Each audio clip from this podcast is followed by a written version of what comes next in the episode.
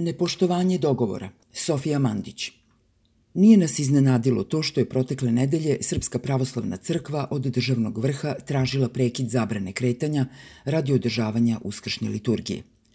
Ovim zahtevom crkva je zatražila poseban status koji uživa i van vanrednog stanja, poput poreskih povlastica i neiscrpnog i višegodišnjeg finansiranja crkvenih aktivnosti i potreba iz državnog budžeta. Nakon što je epidemiolog dr. Predrag Kon zapretio ostavkom, a stvarni gospodar epidemiološke zaštite razgovarao sa patrijarhom, crkva je saopštila da će poštovati državne mere u suzbijanju epidemije. Uprkos tome, već u četvrtak i petak, ali i na sam dan Uskrsa u nedelju, vernici su se okupljali u verskim objektima i ispred njih. Mediji su ovo zabeležili, a oni koji su prilježno sedeli kod kuće su to mogli videti i u direktnom prenosu javnog servisa. Upravo je ovakav rasplet dodatno ogolio neke od problema o kojima smo već pisali na Peščaniku. Pođimo od toga što su krajem prošle nedelje mediji gotovo bez preispitivanja preneli da se vernici okupljaju na liturgijama u verskim objektima uprkos dogovoru Vučića i Patrijarha. Tako je prihvaćena interpretacija da svi građani, izuzev pravoslavnih vernika, u svojim kućama moraju da provedu puna 84 sata, dok se oko sudbine kretanja pravoslavnih vernika Vučić i Patrijarh dogovaraju. Prvi su subjekti vladine uredbe od 17. aprila, koja je tog dana promenjena jubilarni deseti put od proglašenja vanrednog stanja. Uredbom se zabranjuje kretanje svih građana od petka popodne do utorka ujutru. Ipak, tokom vikenda se ispostavilo da vernici izgleda ne spadaju u kategoriju svi građani i to uprkos činjenici da je maratonska zabrana kretanja navodno uvedena kako bi sprečila masovnu proslavu verskog praznika. Ovo nas vraća na pitanje svih pitanja, koje epidemiolozima svojevremeno nije bilo zanimljivo, a zbog koga su i ukinute konferencije za novinara u prisustvu novinara. Da li zakoni i druga pravila Republike Srbije važe u vanrednom stanju? Iako važe, da li podjednako važe za sve? Javnost je bez problema progutala da nevernicima sledi kućni zatvor, dok se o sudbini pravoslavnih vernika može pijačno pregovarati sa predsednikom – Slično se dogodilo i sa zamenom teza o uskrsu i zabrani kretanja. Naime, već u svojoj molbi Srpska pravoslavna crkva je jasno stavila do znanja da traži izuzetak koji bi omogućio da pravoslavni hrišćani učestvuju na liturgiji na svoj najveći praznik. Crkva je tu bila precizna i zapravo nije tražila izuzetak u pogledu zabrane kretanja, već u pogledu zabrane okupljanja. Mešanjem pojmova slobode kretanja i slobode okupljanja, odnosno njihovih mogućih ograničenja, vlast već mesec dana uporno sluđuje građane. Koronavirus, a valjda i svaki drugi virus, se ne prenosi kada se ljudi samostalno fizički kreću.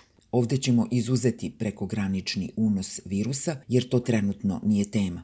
Već kada zaraženi dođe u kontakt sa drugom osobom. Rizik od prenosa virusa je zato uvećan u slučaju okupljanja većeg broja građana.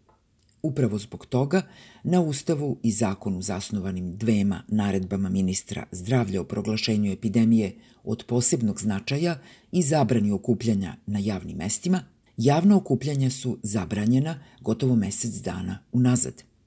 Naredba o proglašenju epidemije jeste zakasnila i došla čak pet dana nakon proglašenja vanrednog stanja, ali to je drugo pitanje – Zakon o zaštiti stanovništva od zaraznih bolesti ovlastio je ministra da na predlog zdravstvenih institucija, čak i bez proglašenja vanrednog stanja, zabrani okupljanja na otvorenom u slučaju epidemije. Pomenuti zakon je za kršenje ovakve zabrane predvideo prekršajnu odgovornost pojedinaca i pravnih lica, što crkva svakako jeste.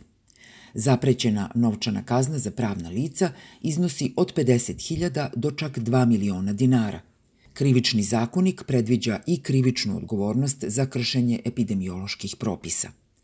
Crkvu i njene vernike su, bar za sada, temeljno zaobišle obe odgovornosti. Predsednik je to i garantovao kada je rekao da vladike i sveštenike neće hapsiti. Kada su u pitanju okupljanja u zatvorenom prostoru, ona su zabranjena još prvom inkarnacijom uredbe o merama za vreme vanrednog stanja, onom od 15. marta. Uredba je vrlo izričita – U zatvorenom prostoru zabranjuju se sva okupljanja sa izuzetkom okupljanja zbog rada državnih organa.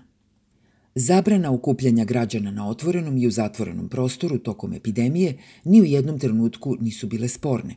One to nisu bile jer je svakome ko ima zdrav razum i pomalo poznaje pravo bilo jasno da do širenja zaraze neće doći prostim kretanjem, već okupljanjem, odnosno bližim kontaktom ljudi.